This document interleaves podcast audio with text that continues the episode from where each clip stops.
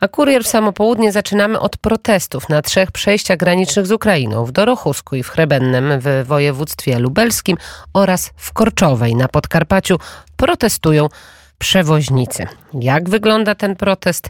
E, bo protest trwa od poniedziałku. O tym będziemy rozmawiać z naszym gościem. Mamy już połączenie Jacek Sokół z Komitetu Obrony Przewoźników i Pracodawców Transportu. Dzień dobry, witam serdecznie. Dzień dobry Pani, dzień dobry Państwu. Gdzie Pan się teraz e, znajduje? Jak e, wygląda miejsce, gdzie Pan dojechał do protestujących, rozumiem? Tak, proszę Pani, dzisiaj jestem w Dorochusku, tutaj na tym przejściu. E, sytuacja jest bardzo normalna jak na protest. No my dalej oczekujemy na zainteresowanie ze strony rządowej w celu ustalenia jakiegoś spotkania, ustalenia jak najszybciej warunków które są do spełnienia na, odnośnie na, e, naszych postulatów, no i zakończenia tego protestu. Ilu jest protestujących w poszczególnych e, przejściach granicznych? Ile osób się zdecydowało na ten protest? E, proszę Pani, zdecydowało się bardzo dużo przewoźników. Jest to kilkaset osób. Jednakże na samych przejściach tylko po 10-20 e, osób, z tego względu, że my nie mamy takiego luksusu, jaki luksus mają rolnicy, gdzie ich praca wygląda sezonowo. My pracujemy zawsze praktycznie cały rok i praktycznie 24 na dobę. Nasze samochody jeżdżą i w dzień, i w nocy. E, my szukamy zleceń, dlatego też tutaj nasze samochody na szczęście pozwalają na to, że mamy pomontowane przetwornice, gdzie mamy tak zwane swoje mobilne biura, gdzie nierzadko musimy wydrukować dokumenty, zeskanować, odesłać naszym E, kontrahentom, naszym kierowcom. Musimy nad tym planować. No niestety nie mamy tego luksusu, że ktoś nam płaci za to, że jesteśmy na proteście. My dalej musimy pracować, my dalej musimy utrzymywać w tym trudnym okresie nasze firmy. Rozumiem, na pewno to jest e, wyzwanie, ale nie niewykonalne. Jak wygląda więc e, samo przejście graniczne? Jak wygląda protest? Ile samochodów ciężarowych przepuszczają Państwo? Czy ten ruch odbywa się właśnie w jakim tempie? Proszę e, wszystko robimy zgodnie z pozwoleniem, zgodnie z ustaleniami, które były w każdej gminie jednakowe, tutaj gdzie są przejścia graniczne. I tak, na godzinę przepuszczamy jeden samochód, e, z towarem jak gdyby komercyjnym, ogólnym, prawda? E, chodzi to o towar taki mm, e, szeroki, e, mm, bez jakichkolwiek ograniczeń, tak jak na przykład ograniczeniami są ADR-y, żywe zwierzęta, no bo ADR to jest towar niebezpieczny, który nie może stać gdzieś tam w kolejce, nierzadko ze względu na to, że stwarza to zagrożenie. Są to produkty chemiczne, załóżmy. Żywe zwierzęta, no i oczywiście pomoc humanitarna i militarna. To jest w ogóle E, zdjęte jak gdyby z jakichkolwiek ograniczeń, z jakiejkolwiek blokady. Jeżeli samochód pojawia się, który wiezie pomoc humanitarną, jedzie od razu. Bo tak jak podkreślamy, my nie jesteśmy przeciwni e, Ukrainie, my chcemy dalej pomagać, wspomagać Ukrainę, ale nie może być sytuacji takiej, gdzie na przewozach komercyjnych, na których zarówno strona ukraińska, ale i strona polska powinna normalnie zarabiać. My jako e, e, przewoźnicy powinniśmy mieć po prostu równy dostęp. Rozumiem, chodzi o zezwolenia, a jakiej długości więc są te kolejki teraz na przejściach granicznych? Są pewnie bardzo, bardzo długie proszę Państwa, bardzo długie, jednakże tutaj na tych przejściach e, jest troszeczkę łatwiej, ponieważ są e, parkingi, gdzie te ciężarówki mogą, mogą zjechać. E, tutaj w Dorochusku jest ileś tam kilometrów, nie umiem Pani powiedzieć dokładnie ile, bo ja wjeżdżałem nie obok kolejki, a tutaj jak gdyby z drugiej strony przez wioskę Dorochus. Dlatego nie chciałbym tutaj Państwa wprowadzać w błąd, opowiadać jakieś ale na pewno są rzeczy. to, Ale na pewno są to Proszę. kilometrowe kolejki. Tak, tak, tak, zgadza się. Tutaj jest zachowana strefa buforowa, e, tak zwana przez policję, gdzie, no wie pani, każdy ma swoją e, wytrzymałość taką psychiczną i ja nie dziwię się kierowcom, którzy stoją w kolejce, że oni gdzieś by tu chcieli podejść na jakieś rozmowy, a tego typu rozmowy zawsze kończą się, e, znaczy zawsze, często kończą się nerwowo, a po co dopuszczać do, do, do tego e, typu sytuacji? Po to jest ta strefa buforowa, żebyśmy nie mieli oni z nami, my z kierowcami bezpośrednio, a są to też kierowcy zarówno ukraińscy, jak i polscy. Dlatego no właśnie, jak nie reagują, mamy ze sobą kontaktu. Jak reagują zarówno ukraińscy, jak i polscy e, kierowcy? Bo mówi pan, że robi się nerwowo. Rozumiem, że głównie po stronie ukraińskiej. Czy też Polacy się denerwują na ten protest? Denerwują się zarówno Polacy, jak i Ukraińcy. No wie pani, nikomu nie chce się stać e, w kolejce, w samochodzie i czekać na odprawę, ale o naszym proteście firmy transportowe wiedziały odpowiednio wcześniej, nie musieli swoich samochodów ładować e, towarami, a teraz denerwować się, że stoją w kolejce. To e, mówił pan, e, bo rozmawiamy z Jackiem Sokołem, Komitet Obrony Przewoźników i Pracodawców, jeżeli chodzi o transport. Rozmawiałam dzisiaj rano z wiceministrem spraw zagranicznych, panem Arkadiuszem Mularczykiem. Zapytałam go o protest i zapytałam go o te relacje z Ukrainą. Chciałabym, żeby pan posłuchał razem ze mną tej wypowiedzi i się oczywiście do niej odniósł. Chcę zwrócić uwagę, że my po prostu stosujemy wobec Ukrainy no, pewnego rodzaju zasady, które mają chronić e, naszą gospodarkę, nasz rynek transportowy. E, wydajemy tyle zezwoleń, mm, ile otrzymaliśmy od jakby naszych partnerów. I trzeba powiedzieć jasno, że mm, to są gestie, które oczywiście muszą być na bieżąco y, roz, roz, rozstrzygane, rozpatrywane w, w relacjach e, z Ukrainą, ale też z Unią Europejską. I tutaj ministerstwo infrastruktury, według mojej wiedzy, podejmuje takie działania. Ja tutaj szczegółowych informacji mm, no, ale czy MSZ podejmuje jakieś działania, jeżeli chodzi o Ukrainę? Bo Wasyl Zwarycz napisał, ambasador Ukrainy w Polsce, blokowanie dróg przejść granicznych z Polski z Ukrainą w Chrebennym do Rochusku Korczowej przez polskich przewoźników to bolesny cios w plecy Ukrainy, cierpiącej od agresji rosyjskiej. Zagrożone są korytarze solidarnościowe między Ukrainą a Unią Europejską. Apelujemy o zaprzestanie blokady granicy.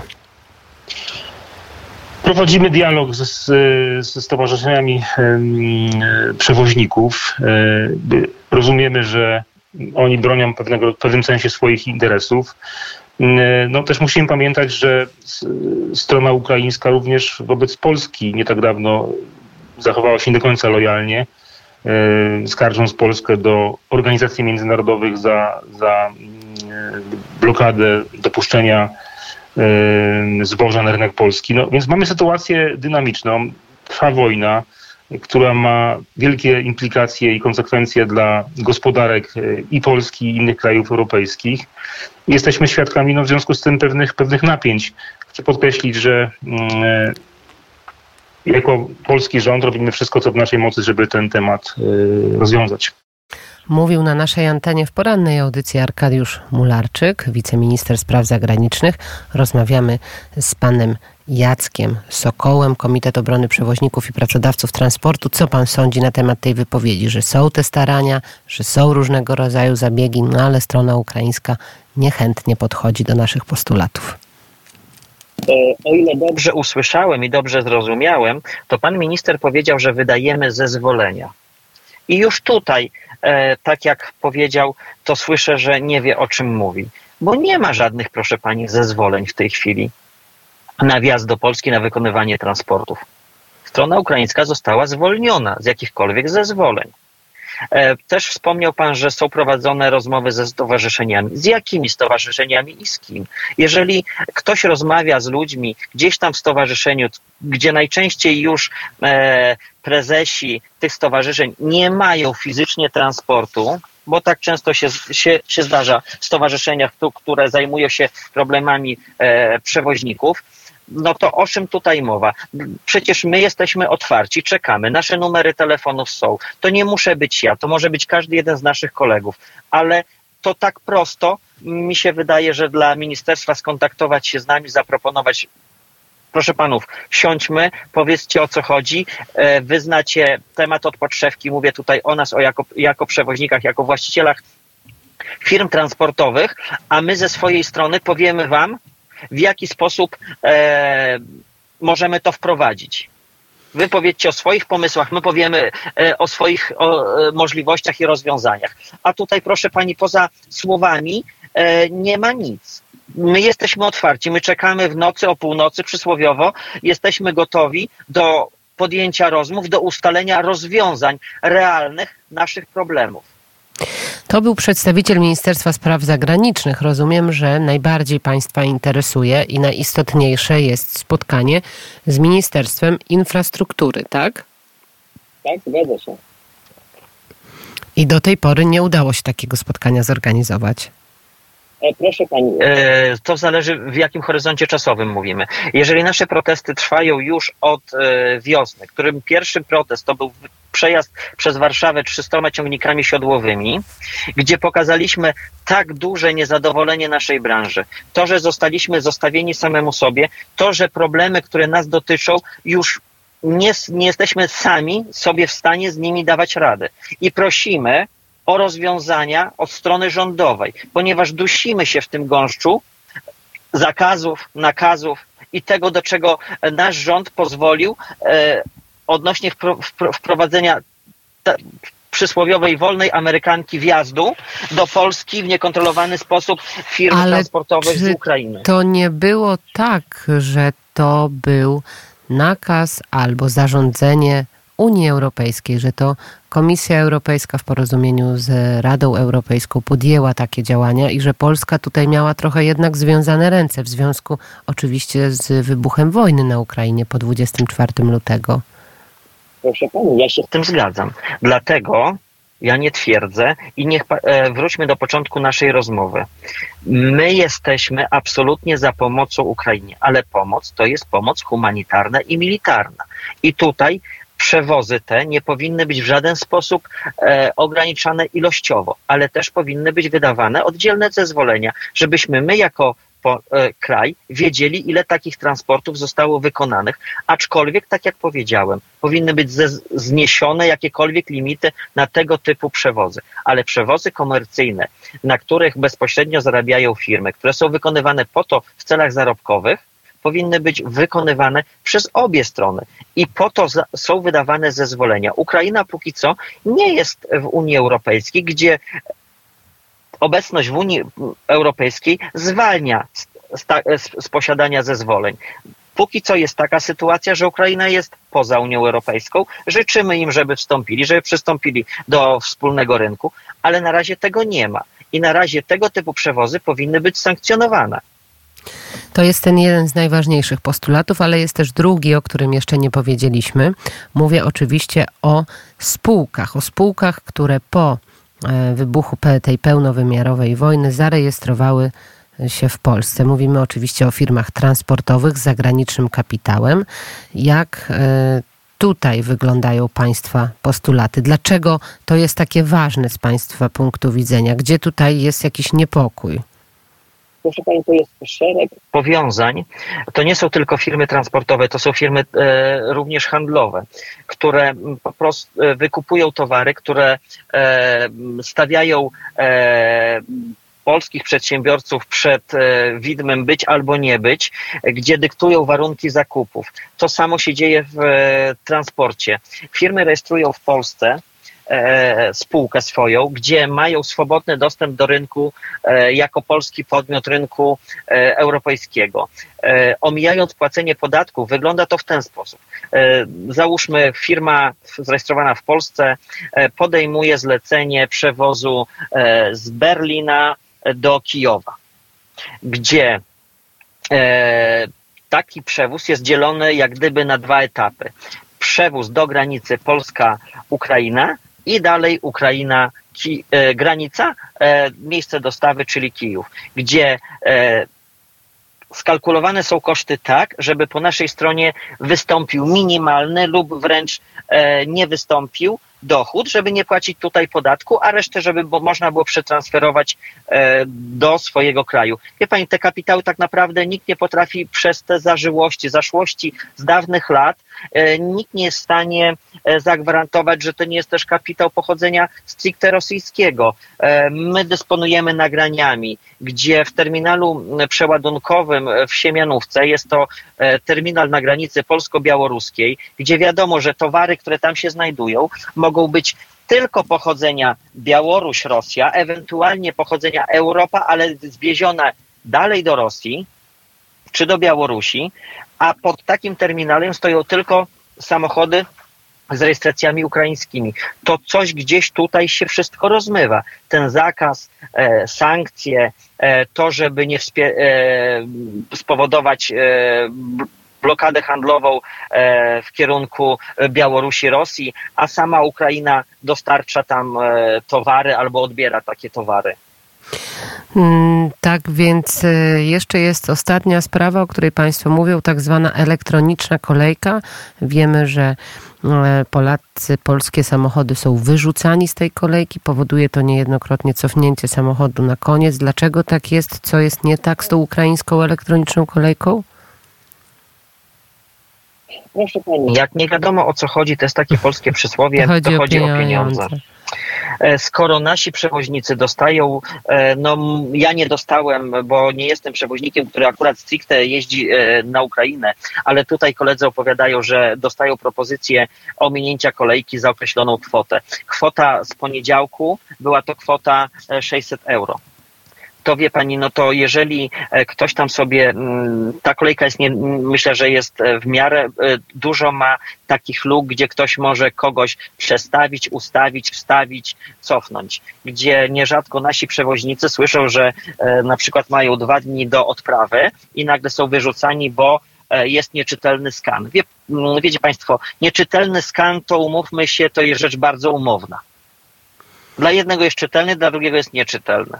Jak? I tutaj, I tutaj jest problem, żeby nas e, wykluczyć, zniechęcić do wyjazdów, bo sam zamysł kolejki elektronicznej jest to bardzo dobry zamysł, bo każdy wie, ile dana operacja będzie mniej więcej czasu trwała.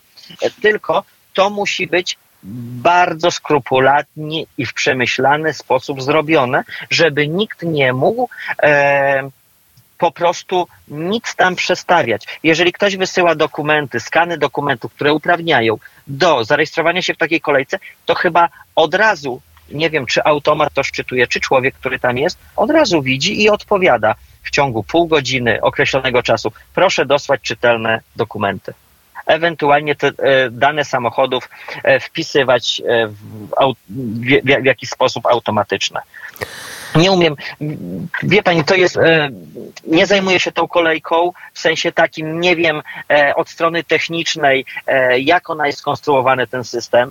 Myślę, że to tylko strona ukraińska wie ale no my na to rozwiązania nie mamy. Jednakże faktem jest to, że w poniedziałek, kiedy zaczął się nasz protest, kiedy zaczęliśmy mówić o tej kolejce elektronicznej, e, z kilkunastu dni oczekiwania potrafiono zmniejszyć kolejkę do kilku dni oczekiwania, dwóch, trzech. No to jest zasadnicza różnica i pokazanie tego, że nasz protest po prostu e, ma jakiś realny wpływ. I tak jak minister e, Ukrainy e, od razu zainterweniował, że on będzie zaskarżał to, że my blokujemy, no proszę pani, z całym szacunkiem, troszeczkę wyrozumiałości się nam należy i nasz minister się nie ujmuje za nami, a minister Ukrainy, że tak powiem, od razu walczy i chce nas zaskarżać. Gdyby w naszym ministrze, w, naszych, w naszym ministerstwie było tyle determinacji, ile jest determinacji w Ukrainie, te sprawy byłyby bardzo szybko załatwione. Mm, na pewno tak jest. Myślę, że też zmiana rządu, nowy parlament, to wszystko gdzieś się e, łączy i jest trud w takim trudnym okresie też e, kształtowania się e, przyszłości polskiego rządu i polskiego parlamentu. To dobrze pani, bardzo dobrze pani zaczęła tą kwestię, że jesteśmy w trakcie tworzenia się nowego rządu, ale stary pracuje, stary podejmuje decyzje, ale co jest e, w tym takie dla nas zasmucające, jako dla przewoźników, dla e, osób, które zatrudniają, które płacą podatki tutaj w Polsce, że poza absolutnie chciałem tutaj podkreślić, że my jako Komitet Obrony Przewoźników i Pracodawców Transportu jesteśmy e, organizacją apolityczną, niezwiązaną z nikim, ale jedyną opcją polityczną, która zainteresowała się, która e, wspiera nas i e, pomaga nam się dostać nawet na rozmowy do ministerstwa, czy, czy zorganizowała zespół parlamentarny, e, spotkanie w, par, e, w Sejmie na wiosnę tego roku, to jest Konfederacja. My naprawdę czekamy na przedstawicieli e, Koalicji Obywatelskiej, my czekamy na e, ludzi z PSL-u, my czekamy na każdą jedną opcję polityczną, na Polskę 2050. My chcemy opowiedzieć o naszym problemie, my chcemy pokazać tym ludziom, bo ja rozumiem, nie każdy się zajmuje transportem, nie każdy wie, co nam doskwiera, ale niech ktoś nas posłucha. I oby tak było, oby Państwa głos był wysłuchany, a mówił o tym na naszej antenie Jacek Sokół, Komitet Obrony Przewoźników i Pracodawców Transportu. Dziękuję za rozmowę i do usłyszenia. Dziękuję Panie bardzo i Państwu za uwagę.